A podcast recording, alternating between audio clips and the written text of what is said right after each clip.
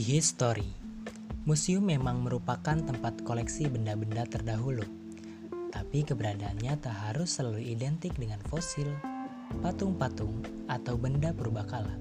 Museum adalah rekaman sejarah kebudayaan dan peradaban manusia. Di sana bisa disimpan berbagai karya manusia. Bangsa kita kaya dengan karya budaya, dari Sabang sampai Merauke.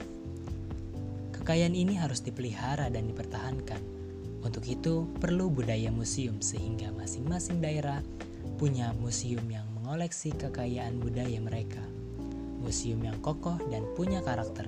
Layaknya Merdeka Belajar, kita dapat mengaktualisasikan ilmu kita dengan bebas melalui museum. Karena museum penuh dengan sejarah, senada dengan tema kita di History. Wildan Fauzi, DKI, Jakarta.